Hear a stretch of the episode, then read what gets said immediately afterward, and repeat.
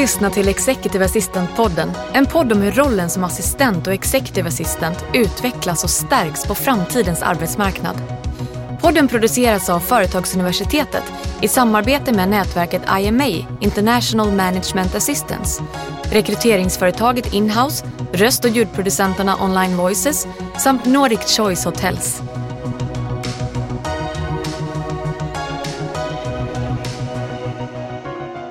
Välkommen till Executive Assistant-podden där vi pratar med våra bästa kollegor om världens bästa jobb. Jag heter Daniel Kjellson och idag sitter jag här tillsammans med Marie Åkesson, vd-assistent på Systembolaget. Välkommen Marie! Tack ska du ha. Kul att ha dig här. Ja, jätteroligt att vara här. Vi börjar med lite Executive Assistant grävande skjutjärnsjournalistik. Här sitter vi alltså i en tyst och fin studio och vi kommer att prata ett tag. Och min fråga till dig är, kommer du att ha koll på telefonen under tiden vi är här? Nej, det kommer jag inte. Rebell, Ja. alltså. Administrativ rebell. Ja. Härligt. Du, du var inte bara nominerad till Executive Assistant Awards 2020, du gick och vann hela smacket. Ja, kan man Grattis. tänka sig. Tack ska du ha. Hur känns det? Ja, det var väldigt omtumlande och eh, jag blev ganska överraskad faktiskt. För jag hade satt mig i sinnet att Yasin skulle vinna. Har eh, ruset lagt sig? nu? Ja, Festligheterna är över? festligheten är över, det är business as usual. Ja. Men det är lite eftergrejer, som den här podcasten. ja. Mm. Nej men trevligt. Du, var i stadga så här. Att bli nominerad till det här priset, Executive Assistant Awards, tycker jag är en bekräftelse på att man har tagit sin roll, gjort någonting eget med den och sen konsekvent levererat i den på hög nivå. Vad i ert, eh, ert och ditt arbetssätt och i din relation med din chef tycker du är, som funkar så bra? Det är vårt förtroende och att vi har lärt känna varandra. Vi har jobbat ihop i sommar i tio år. Eh, det är det som är så häftigt mellan oss, att vi är sånt tajt par nu.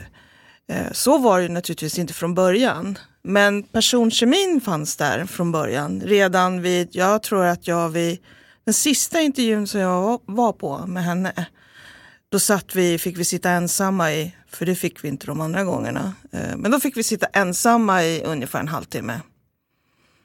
Eh, och då så frågade hon om jag tyckte att det här jobbet var bra och hur det kändes.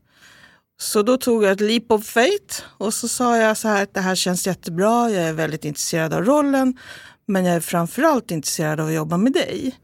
För att eh, jag har ett bra intryck av dig och jag tror att vi skulle jobba väldigt bra ihop. Så känns det för mig. Och dagen efter ringde hon och erbjöd mig jobbet. Det var jätteroligt. Härligt. Mm. Och om man, för det är också en sån där sak när man tittar på någonting som fungerar väldigt bra idag så, så är det ju lätt att glömma att, att det där eh, krävde en del jobb och många timmar och stöt och blöt i, i relationen. Liksom. Mm. Vad kan vi lära oss tror du av hur ni har format ett samarbete snarare än att det bara liksom landade fungerande i knät på er båda? Alltså båda måste jobba och vilja, annars kommer det inte att fungera. Så jag har börjat säga till assistenter att du ska leta rätt på rätt chef som passar dig. Strunta i vilket bolag det är. Det är klart att det är roligt om det är något häftigt bolag som man ska börja jobba på. Men det viktiga med chefen, att man har personkemi och så. Vi- Alltså vi har haft upp och ner, både hon och jag. Och jag kan säga att det tog kanske, som jag kände, två och ett halvt år för henne att börja lita på mig till 100 procent. Så det fick ju jag jobba på. Mm. Systembolaget är ju ett eh, speciellt, välaktat, ibland kritiserat, eh, men väldigt publikt företag. Ja. Och, och din eh, chef och medarbetare kan ju vissa gånger vara en väldigt publik person. Mm. Ehm, hur har det påverkat din, din vardag och, ert samarbete? Ja, det är ju jag som sitter där i kulisserna och håller stenkoll på allt vad hon gör. Jag får inte missa bollar där. Eh, Jag kommer ihåg en gång i början, då skulle hon, vi har sådana här dryckesaktioner. Och det var Bukowskis som körde dem åt oss. Så då skulle hon träffa vd för Bukowskis. Jag råkade boka in det där mötet på fel dag. Så hon älgar iväg till Bukowskis och han möter henne i jeans och eh, t-shirt och säger Nej men det där mötet är ju nästa onsdag, men vi kan ta det nu. Han höll på att möblera om inne på Bukowskis. Ja. Eh, och det har aldrig upprepats, Nej. kan jag säga. Men, så det är liksom... Eh, ja, jag sitter där, jag måste ha stenkoll. Ja. Så hon frågar alltid mig, eh, vad ska jag, vad ska, är det nu? Och vi sitter alltid varje vecka och går igenom hennes kalender. Den lever väldigt mycket för det kan ändras från dag till dag. Och det är en sån där, du vet, den där mötesbokningen då, det, det är ju så här, för någon extern så kan det kanske inte låter så farligt, eh, kan man tänka. Men i din vardag och i, liksom i, i, yrkeskår, i yrkeskårens vardag så är det en jättegrej. Ja, Um, och jag kommer att tänka på det för att vi pratar ju mycket om vet, så här, nästa generation av den här rollen och hur rollen utvecklas och, och allt det där. Och då är det lite, lite det är mer strategiskt och, det, och, och vi kommer till allt det där. Men det här med vad vi liksom på engelska kallar operational excellence, att den här oljan i maskinen varje dag, varje timme är supertight. Hur viktigt det är. Um, och det är någonting som jag uppfattar som att du lever väldigt mycket för, att den ska vara, de där pusselbitarna, de ska ligga som de ska. ja, det är ju grundbulten i yrket så att säga. Den ska bara fungera. Sen allt annat, när man blir en seniorassistent så addas det ju på massor med saker. Men grundjobbet, den ska bara fungera klockrent. Till 150 procent, så är det. Det är jätteviktigt. När du gick in i rollen allra först, va- var du den personen eller är det här någonting, är det liksom en kompetens som du har fått bygga? Menar du på Systembolaget eller Äh, själva din, din karriär, du, dig som person. Jag, jag, Ah, jag är nog lite strikt när det gäller, jag är tidsfascist. Får man säga så? ja. Ja, men jag är faktiskt det. Jag, Ja. jag kom hit i tid eh, och, och lite så. Och idag jobbar jag med en chef som är lite tidsoptimist. Så hon behöver mig eh, och jag behöver henne. För jag lär mig att ja, hon kan vara hur sen som helst men hon kommer alltid tid ändå. Man behöver inte vara där en kvart i förväg. Så. Men det är, ligger lite i min natur skulle jag säga. Hålla Ja. tider, har alltid varit. För att det, för det, jag, jag, jag uppfattar att det finns två typer av executive assistant. De som, eller alla sköter sitt jobb eh, väldigt, väldigt bra. Men när man går hem så är det så här, nej nu har jag haft nog med det här och då, då är det vilda västern. Eller så är man bara det instinktivt liksom i benmärgen att här är det ordning och reda. Jag kan ju säga att jag håller tider gör jag även privat. Men när det gäller andra saker, hålla ordning på grejer och komma ihåg vad jag ska göra och träffa kompisar och ja, lite sådär. Där är jag nog lite sämre, ganska mycket sämre. kan jag nog vara. Mm. Jag, hade, jag kan ta som ett exempel förra helgen. Då hade jag tänkt att sitta hemma och skriva och satt i mjukisbrallor oduschad. När min telefon piper till.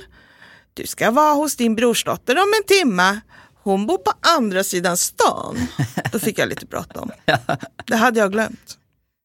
I stadgarna för just Executive Assistants Awards då, så, så tycker jag att tyngden läggs på två parallella spår. Dels vad vi nyss pratade om, det här att man vill premiera operationell eh, leverans på daglig basis.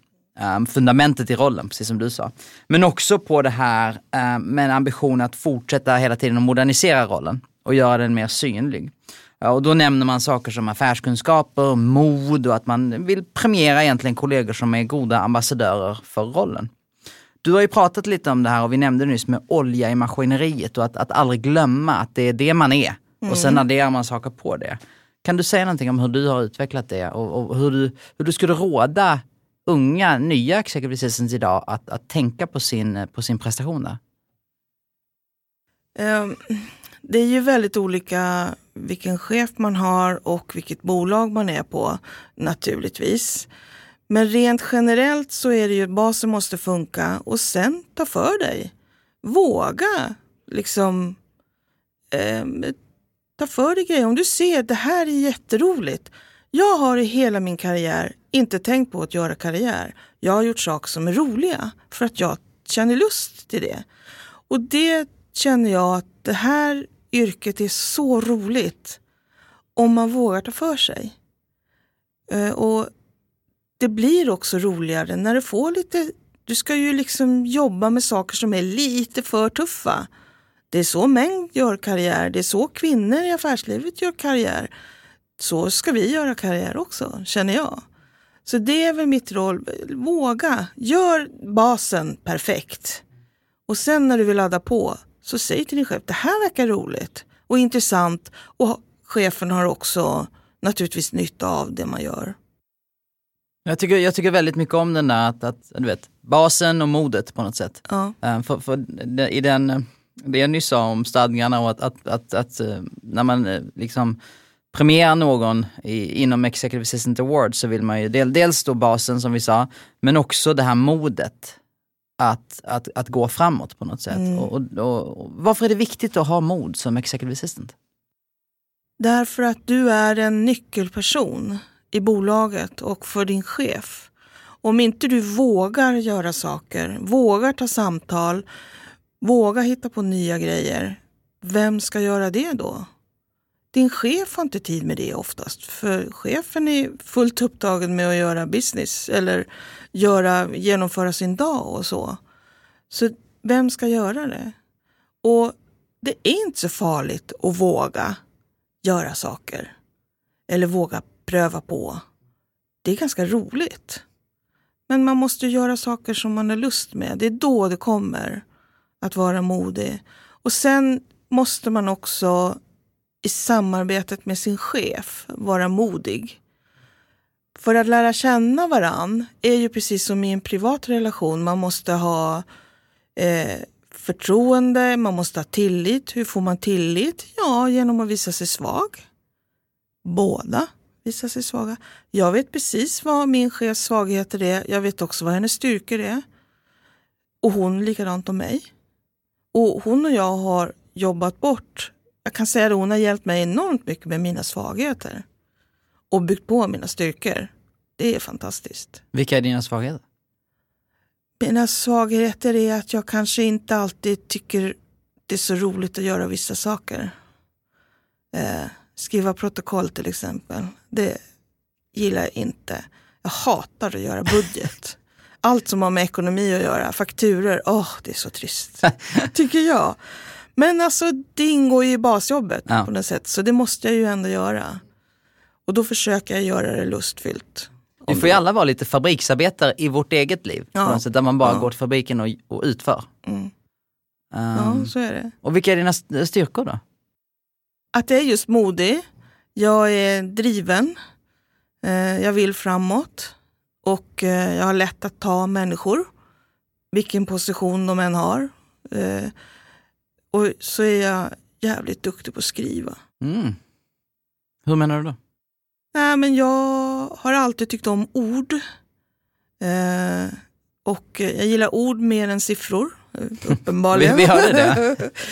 eh, och eh, ja, men jag tycker det skrivna ordet är intressant. Jag läste Vilhelm Moberg när jag var tio år gammal.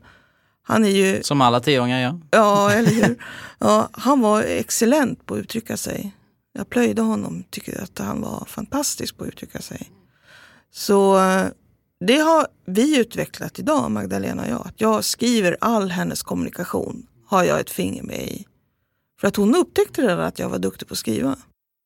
Härligt. Och Mm. kommunikation, eh, återigen om vi går tillbaka till den här modernisera rollen, en av de unikt mänskliga egenskaperna är ju just det såklart, att, Ja. att kunna kommunicera med andra människor på Ja. ett mänskligt sätt. Ehm, precis. så, så det tror jag absolut har varit en av av framgångsfaktorerna såklart. När, när under din karriär tycker du att du har visat mod? Eh, när har jag visat mod? Alltså när jag, ja nu måste jag ju tänka lite här, det där var en tuff fråga. när har jag själv visat mod? Ehm, det är att inte ge upp i vissa situationer och att våga ta sig över en brygga kanske som dyker upp. Jag kan ju säga så här, eh, när jag började på det här jobbet så fanns det massor med assistenter som jobbade liksom för sig i små öar ute i organisationen. Och det där tyckte inte jag var så kul. Utan eh, varför ska vi inte dra nytta av varann? Så då föreslog jag för Magdalena att eh, nej men kan vi inte dra igång ett assistentnätverk? Ja, visst. Det där var inte så poppis. Nej. Nej, konstigt nog Ja. så var det inte det. De såg ju fördelarna med det men det var ju nackdelar också. Det tog tid och jag har min chef tycker inte att det här är kul. Ja, lite sådana där saker. Det tog ett tag men där var jag modig och sa vi behöver det här. Mm. Kom igen nu tjejer. Mm.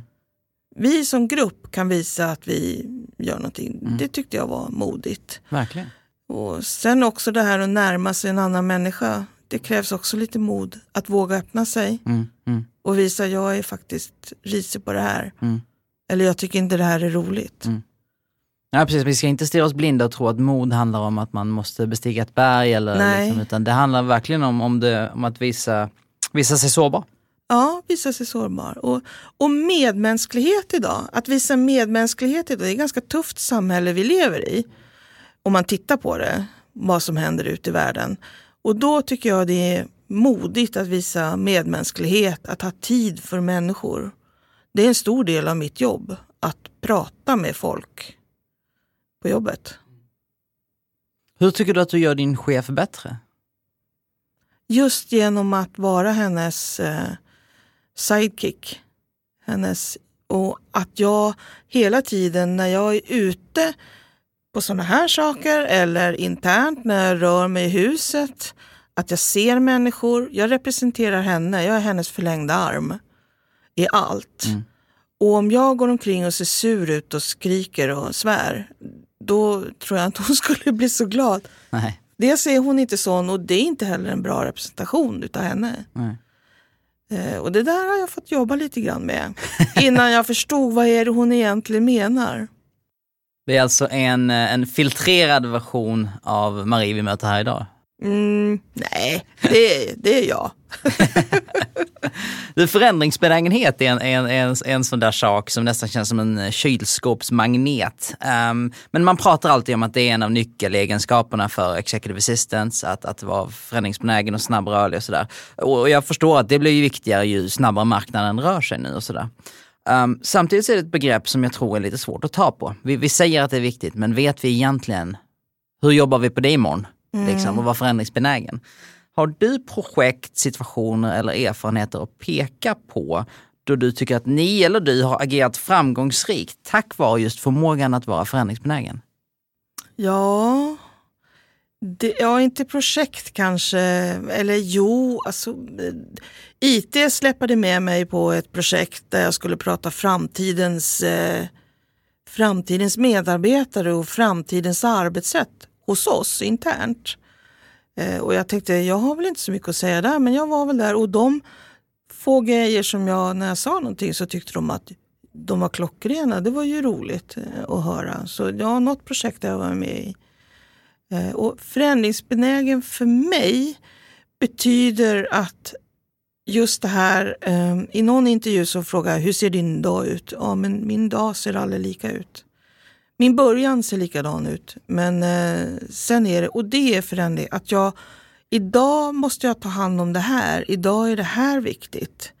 Imorgon är det någonting annat, även om jag har planerat att jag ska göra saker. Så det är för mig förändringsbenägenhet. Och det är likadant med när eh, det händer saker i min chefskalender. Det också, där måste jag, jag kan inte säga nej du har ett möte, då, du kan inte ta bort det. Utan då är det upp till mig att då får jag råda om och se till att det blir bra för henne. Även om det innebär att jag måste ta en massa samtal och ringa runt och hålla på. Eh, Det är också förändringsbenäget fast kanske lite tråkigt. Ja, ja fast, fast mer vardagligt, vilket är Mer precis dit, vardagligt, ja. dit vi vill komma. Va? Och det är ju, alltså, vi på Företagsuniversitetet har ju nyss eh, producerat vad vi kallar en professional master för executive assistants. Och där är en, en brittisk karaktär som, som många kanske känner till som heter Adam Fiddler, en, en stor del i den. Och han säger det att om en assistent får en fråga om, om sin chefs kalender och, och svaret är ja men absolut, jag har en lucka här 2045 Mm. Så hjälper inte det någon i det här läget. Liksom, utan att, att bara vara en vägg. Utan precis som du nyss sa det här, vad är bäst för min chef och för företaget? Och alltid ha den och sen agera baserat på det. Där tror jag att du ramade in ganska mycket av det, och det är ju att vara förändringsbenägen och att acceptera att vardagen är rörlig och det är bra. Ja. Och kanske lite jobbigt ibland. Såklart. Ja. I alla fall om man kommer och tänker sig att den sätter sig ner på morgonen och tänker att nu är det exakt så här det ska vara idag. Ja. För det blir det ju sällan. Nej, det blir det nästan aldrig. Nej, Nej. men det är charmen. Det är charmen. Mm. Jag vet att du vill öka kännedomen om den här rollen, speciellt på ledningsnivå. Mm. Varför vill du det och vad är det du vill att vi andra ska förstå? Jag vill att höga chefer ska förstå att ensam är inte alltid bäst. Utan eh, att ha en sidekick med sig som underlättar din vardag är viktigt för dig som chef. För då kan du koncentrera dig på det du måste göra och lämna andra saker till din sidekick. Jag tycker det är jätteviktigt. Chefer i hög position som inte har en assistent tycker jag inte förstår vad en assistent gör och vad en assistent kan underlätta. Nej. Och, Det- och hur, hur, hur ska vi förklara det för folk? Ja, hur man ska förklara det för folk. ja. ja, jag vet ju att det finns vissa chefer som inte har assistent. Men jag klarar mig så bra själv. Ja, Ja. men du sitter och jobbar till tolv på nätterna. Hur roligt är det för dig Mm. och för din familj? Att du är borta jämt. Ehm, en assistent skulle kunna hjälpa dig med väldigt mycket så du kanske skulle kunna sluta jobba åtta på kvällen istället. Och vara med och lägga dina barn eller ta en middag med Men att göra det du gör bäst kanske? Exakt. Det är mycket det också. För Vila, för det, är alltså, det är så stressigt idag så även chefer måste faktiskt ha pauser och vila och hinna reflektera. Det går inte om man är i, eh, i ekorrhjulet hela Nej. tiden. För då måste man bara agera. När ni har, som vi sa innan, det är ett- publikt företag och ni kan vara i både skottlinjen men det är också ett, bara ett stort företag, vilket medför en hög aktivitet. Vad, hur, hur går du hem från en, en, en stor dag så att säga och, och eh, kopplar av? Mm, då går jag hem och jag har är sambo med en katt. då går jag hem och lägger Betalar han eller hon hyra? Nej det gör han inte. Eh, Då går jag hem och lägger honom i knät. Mm. Eh, Det får mig att koppla av. Härligt. Rollen som executive assistant går in i ett nytt årtionde nu. Um, det jag tycker är så spännande med din karriär och din framgång får jag säga, är att, för du har sett rollen formas. Um, och du har sett den utvecklas under en, en, en del år redan på hög nivå, på ledningsnivå. Um, och nu så ser du är du mitt inne i liksom nästa version av rollen, i liksom en, en digital, global och snabbrörlig arbetsmarknad på något sätt. Vad tycker du är mest spännande med rollen just nu och vad exalterar dig med den om man tittar framåt?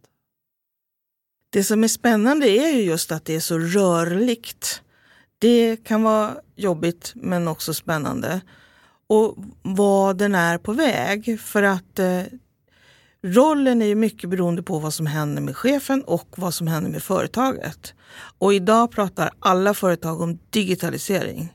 Så det är ju en spännande utveckling faktiskt. Och den måste man hänga med i som assistent. Vad innebär digitalisering för det här bolaget? Vad betyder det? Ehm, och till exempel det här med digitalisering i de här tiderna, att vi sitter och har Teams eller Skype-möten istället för att träffas fysiskt. Det är ju en typ av digitalisering som inte fanns för fem år sedan. Hur fort har inte det gått? Och alltså när jag började jobba 1976 kunde man överhuvudtaget inte kunna tänka sig sådana saker. Så att eh, digitaliseringen är ju väldigt kritisk skulle jag vilja säga. Det pratar alla företag om. Mm, mm. Och nyckel för mig som assistent att förstå hur den påverkar min roll. Ja, precis. Du senast eh, vi såg dig stod du alltså på scenen och, och eh, hyllades av massorna. Ja, Och nu är det tillbaka på kontoret med, med någon form av eh, symbolisk krona på huvudet ändå kan jag tänka mig. Ehm, vad hoppas du att, att, att, eh, att nästa generations executive assistants eh, ser när de ser på dig och på din karriär och, och tar med sig från det? oj. Eh, jag hoppas att de ser en, eh, en driven person, modig person. En glad människa, omtänksam. Hoppas att de ser och som älskar och brinner för den här rollen. Det hoppas jag verkligen. Och att de blir smittade och, och tänker så här, det där, så där skulle jag också vilja bli. Lite förebild sådär. Jag tror att det kommer bli kö utanför din dörr av eh, människor som vill eh, ha en mentor och ha en, en eh, vägledare. Och jag hoppas att du eh, öppnar den för någon av, några av dem. I alla fall. Absolut. Du, är, du är en förebild eh, verkligen för yrkeskåren och jag är väldigt tacksam att du tog dig tid att komma hit idag. Mm. Tack ska du ha. Tack så mycket. Tack. Du har lyssnat till Executive Assistant-podden producerad av Företagsuniversitetet i samarbete med IMA, International Management Assistance, Inhouse, Online Voices och Nordic Choice Hotels.